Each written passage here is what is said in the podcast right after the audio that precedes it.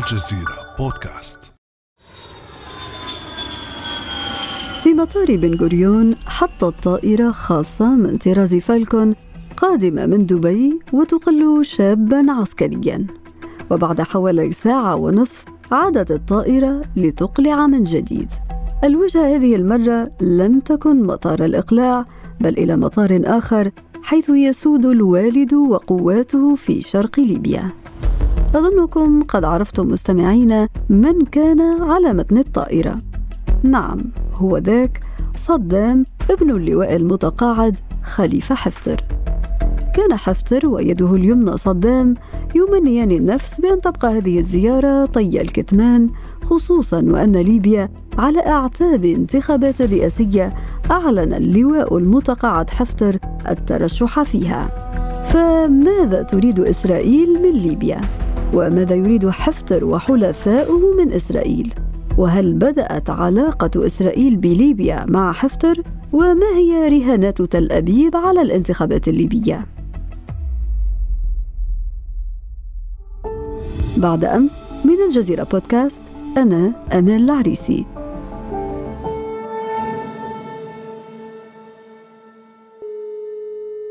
وينضم إلينا في هذه الحلقة الأكاديمي والباحث الليبي نزار كريكش. أهلا وسهلا بك دكتور نزار.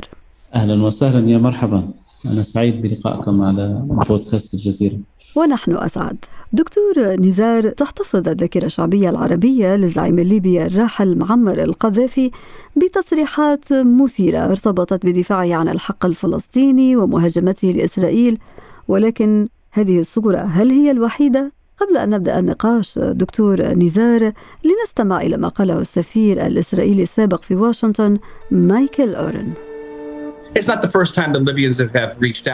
هذه ليست أول مرة يتواصل فيها الليبيون معنا. فإسرائيل صوتت لصالح استقلال ليبيا عام 1951 وهناك جالية ليبية قوية ومؤثرة في إسرائيل من أحفاد الليبيين في الكنيسة والحكومة. فهناك ارتباط ثقافي وتاريخي قوي بين البلدين وأعتقد أن هناك أساسا قويا لعلاقات متجددة بين إسرائيل وليبيا وإمكانية التحاق ليبيا باتفاقيات أبراهام ما سيصب في صالح ليبيا. دكتور نزار كنا نسمع إلى المسؤول الإسرائيلي الذي تحدث عن علاقات روابط ثقافية بين إسرائيل وليبيا حتى أنه تحدث عن إمكانية التحاق ليبيا بما يعرف باتفاقية أبراهام. دعنا في البداية نوضح دكتور نزار موقع ليبيا في الاستراتيجية الخارجية لإسرائيل خاصة أن ليبيا موقعها الجيوستراتيجي في البحر المتوسط حدودها مع مصر السودان تشاد النيجر وتونس إضافة إلى وجود يهود من أصل ليبي في إسرائيل قرابة أكثر من مئة ألف تقريباً. لو أردنا أن نتحدث عن العلاقه بين ليبيا وإسرائيل سنتحدث عن المراحل الواضحه، المرحلة الأولى كانت أيام المملكة وكان الملك إدريس حريص على الابتعاد عن التيار القومي دون أن يمنعه ذلك من مساعدة العرب والقضية الفلسطينية بطريقة حكيمة تبعد ليبيا عن الضجيج في الشرق الأوسط ولا تدخلها في صراعات هي لا تستطيع تحملها. المرحلة الثانية كانت مرحلة القذافي والقذافي استخدم القضية الفلسطينية لتعزيز شرعيته الداخلية باعتبار أنه هو كان يتبع في خطوات جمال عبد الناصر. هنا بالحقيقة دخلت ليبيا في أتون صراع هي ليست معنية بتوابعه بقدر ما هي معنية بقضايا عامة تثبت وجودها ككيان عربي في المحيط العربي. لكن قذافي طبعا استخدم ذلك بطريقة متطرفة حاول أن يظهر كواعظ وخطيب في العرب وأنه سيحمي يرمي إسرائيل في البحر وأنه سيذهب إلى الجولان لتحريرها بنفسه.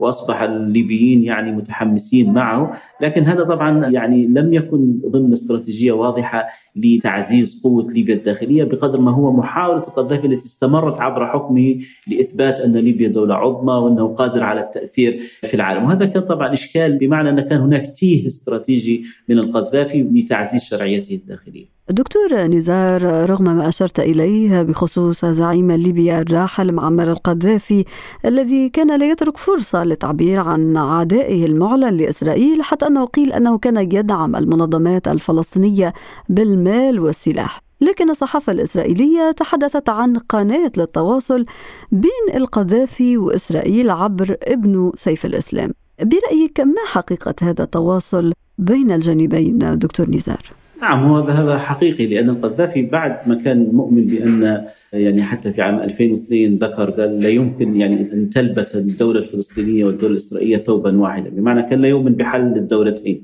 لكن من عام 2003 وما فوق أصبح هناك ضرورة للقذافي أن يندمج بالمجتمع الدولي، لذلك كان هو نفس السردية اللي هي تسود في العقل العرب بأن تقرب من إسرائيل من أجل تحقيق أهدافك وأن إسرائيل هي المفتاح للعالم، فكان هناك محاولة للتواصل مع إسرائيل بأنه قد تغير في سلوكه وبدا في كذلك في خطاباته يتحدث عن إسراطين وعن حل الدولتين والكتاب الأبيض وأن هذه المشكلة يمكن أن تحل وأن الفلسطينيين عليهم أن يتنازلوا وعلى إسرائيل كذلك أن يقدموا بعض التنازلات من أجل إنشاء دولة واحدة. هذه الدولة تسمى اسرائيل وبدأ يظهر ك بنفس آخر، لذلك أنا قلت لك كان يستخدم في هذه القضية. كل ما تغير مزاج القذافي لأن السياسة الخارجية الليبيه كانت مرتبطة بفكرة ترد إلى القذافي في منتصف الليل، يعني ممكن تغير من التوجه العروبي إلى التوجه الأفريقي إلى توجه آخر يحاول العالمي لما كان يؤمن لما ظهر كتاب صموئيل هانتينغتون ظهر وأصبح يتحدث عن الفضاءات فأنت تتحدثين عن رجل سابح في فكر ويريد أن يسقط هذا الفكر رغم كل رفض الواقع يعني رغم كل الإكراهات اللي موجودة في ليبيا. هو حاول أن يثبت بأنه قادر على تقديم أي تنازلات من أجل أن يندمج بالمجتمع الدولي منها حتى القضية الفلسطينية اللي كان هو يعني كانت هي محور شرعيته داخل المجتمع الليبي.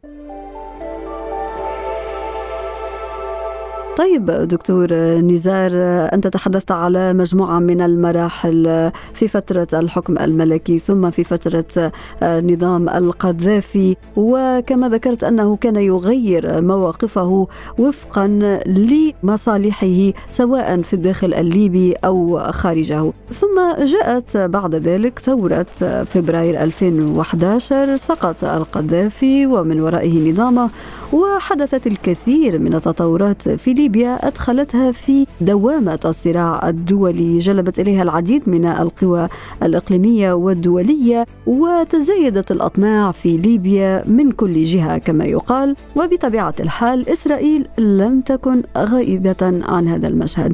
لنستمع إلى هذا الخبر الذي قدمته القناة الإسرائيلية الناطقة بالعربية آي 24 نيوز. أعرب وزير الخارجية في الحكومة الليبية المؤقتة برئاسة آه، حفتر آه، أعرب عبد الهادي الحويج عن أمله في تطبيع العلاقات مع إسرائيل مشترطا حل القضية الفلسطينية لتنفيذ هذه الخطوة.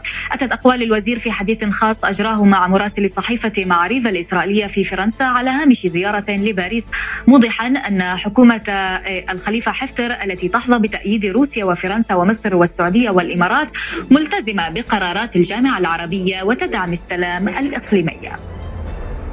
دكتور نزار هذا الخبر يجعلنا نتساءل عن الموقف الإسرائيلي من الثورة الليبية وما تبعها من أحداث.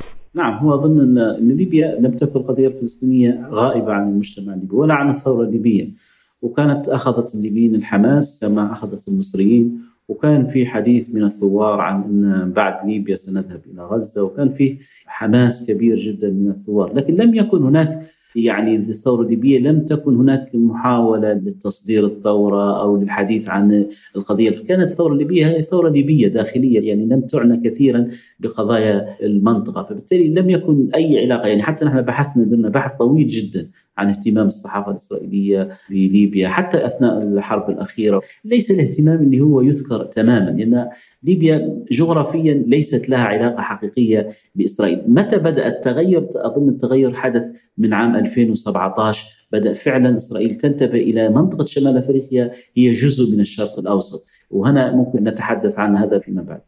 طيب دكتور نزار إذا كنت ترى أنه إسرائيل لم يكن لها خلال الثورة الليبية اهتمام بما يحدث من تطورات في ليبيا إذا هل تتوقع أنه كانت لها علاقات بأطراف النزاع؟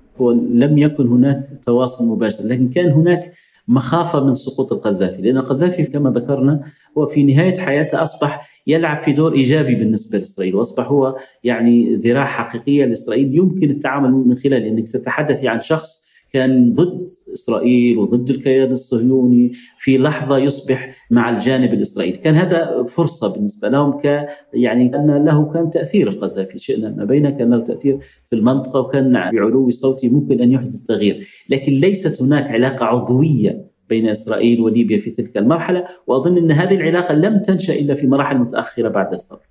طيب متى نشأت هذه العلاقة دكتور نزار برأيك في أي فترة بالتحديد بعد الثورة الليبية؟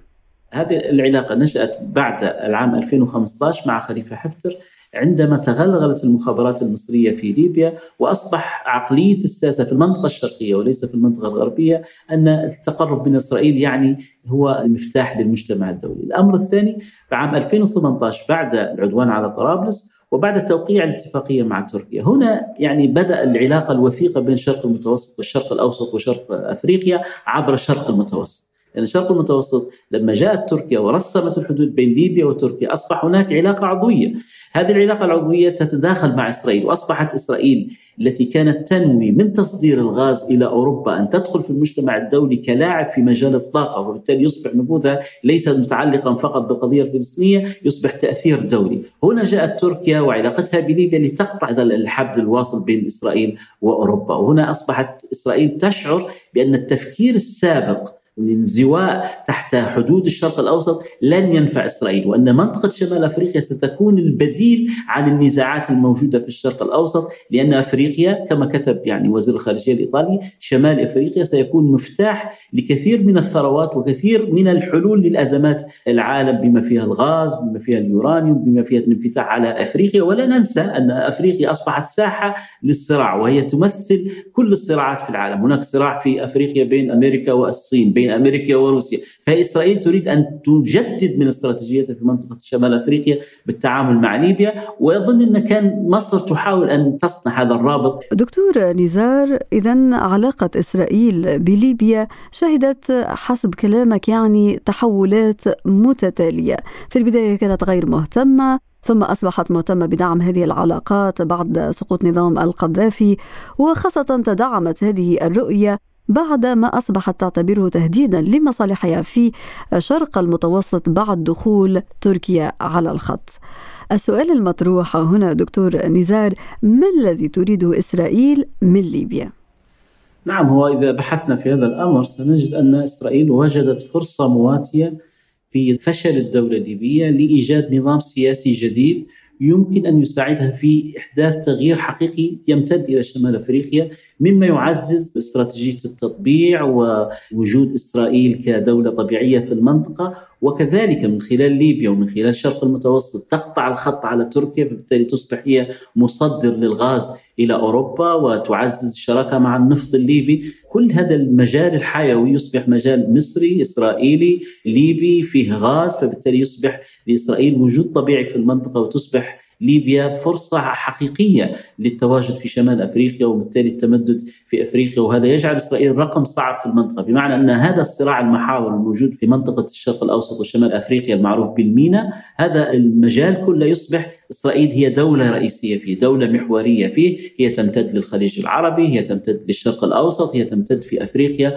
ويصبح لها يعني رؤيتها الاستراتيجية التاريخية بأن تمتد من المحيط إلى الخليج وتصبح فاعل أساسي كدولة محورية من خلال تواجدها حتى في ليبيا بايجاد نظام سياسي ببساطة يتبع كل الخطوات التي تريدها إسرائيل في المنطقة، الغاز الليبي والنفط الليبي ليس بالقليل وهذا يعني يسيل لعاب أي دولة.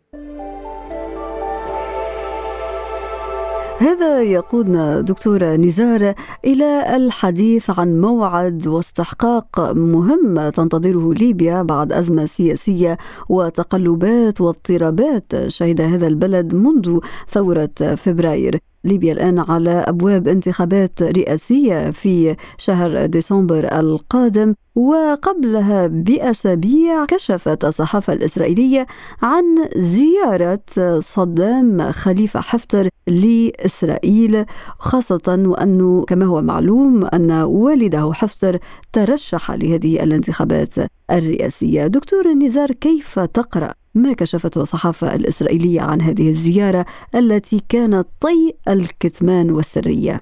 نعم هو أظن هذه الزيارة تؤكد أن مصر تلعب في دور أساسي في ليبيا وأن محاولة وصول حفتر للسلطة تدفعه إلى يعني التعامل بالعقلية المصرية في نفس المشهد بانه هو مفتاح أمريكا. ننسى أن كان هناك قضية ضد خليفة حفتر قضايا يعني جنائية قضايا مدنية ضد حفتر بأنه كان مجرم حرب وأن مواطن أمريكي ساعد يعني ساهم في قتل الليبيين وتشريدهم. فهذه القضية كانت المفتاح لها كانت إسرائيل. كذلك المفتاح لوصوله للحكم يراه خليفة حفتر بعيون مصرية بأن ممكن من خلال إيجاد وعود لإسرائيل بتطبيق اتفاقية أبراهام ممكن أن يساعد ذلك في فرصه في الوصول إلى السلطة في ليبيا. هذا الأمر يؤكد بأن حفتر يفقد قدرته في الداخل ويريد أن يستمر في مسلسل التحالفات الخارجية، في البداية كان مع الإمارات ثم مع فرنسا ثم مع روسيا ثم بدأ ضغوط أمريكية ضد حفتر من خلال القضايا المرفوعة عليه ومن خلال الخطيئة التي قام بها بإدخال روسيا في شمال أفريقيا فلم يجد موئلا في النهاية إلا إسرائيل لعلها يعني تخفف من الضغط الموجود عليه خاصة بعد خسارته في طرابلس دكتور نزار برأيك هل تراهن إسرائيل على إمكانية وصول حفتر إلى الرئاسة؟ إسرائيل لا تراهن على أحد، لا تراهن على حفتر، لكن ترى في ليبيا فرصة، في السياسة الخارجية الليبية لا أحد يريد ليبيا لذاتها، إنما يراد لغيرها، تراد لأفريقيا، تراد للانفتاح على أوروبا، تراد لشمال أفريقيا، فبالتالي هم إن جاء حفتر فبها وإن لم يأتي لن تدخل إسرائيل نفسها وتقحم نفسها في الصراع الليبي بقوة، لأن تعرف بأن هذا المجال غير مجالها حيوي، وأنها غير قادرة مثلا على الظهور بشكل واضح في دعم حفتر، لذلك هي تسعى بس بايد خفية من خلال يعني بعض المساعدة الفنية التقنية، من خلال التزوير الهاكرز، من خلال محاولة إعطاء بعض المعلومات عن ما يحدث في الغرب، حفتر بنفسه يعطي واجهة لإسرائيل للتواجد في شمال إفريقيا وفهم ما يجري لأن ما يجري في شمال إفريقيا خاصه في ليبيا معقد جدا فهي لن تراهن على وجود حفتر ولكنها لن تفوت هذه الفرصة إن سنحت بدون أي خسائر أو مفاسد تعود على إسرائيل نفسها. إجمالا دكتور نزار لا يمكن الحديث عن وجود روابط وثيقة بين إسرائيل وليبيا مرورا بالتاريخ وصولا إلى مرحلة ما قبل القذافي أو ما بعد الثورة كلها تقودها المصالح يعني هي عبارة عن محاولات تريد من خلالها إسرائيل موطئ قدم لها سواء في منطقة شرق المتوسط أو في إفريقيا أليس كذلك؟ نعم أظن هذا هو هو هو عبارة عن فرصة سانحة يمكن أن تستغلها دون أن تعود عليك بالضرر، وهذه استراتيجية متبوعة في كثير من الدول، خاصة في المجالات اللي هي ليست حيوية بالنسبة للدولة كإسرائيل. الدكتور نزار كريكش الأكاديمي والباحث الليبي، شكرا جزيلا لك على كل هذه التوضيحات. شكرا جزيلا. كان هذا بعد أمس.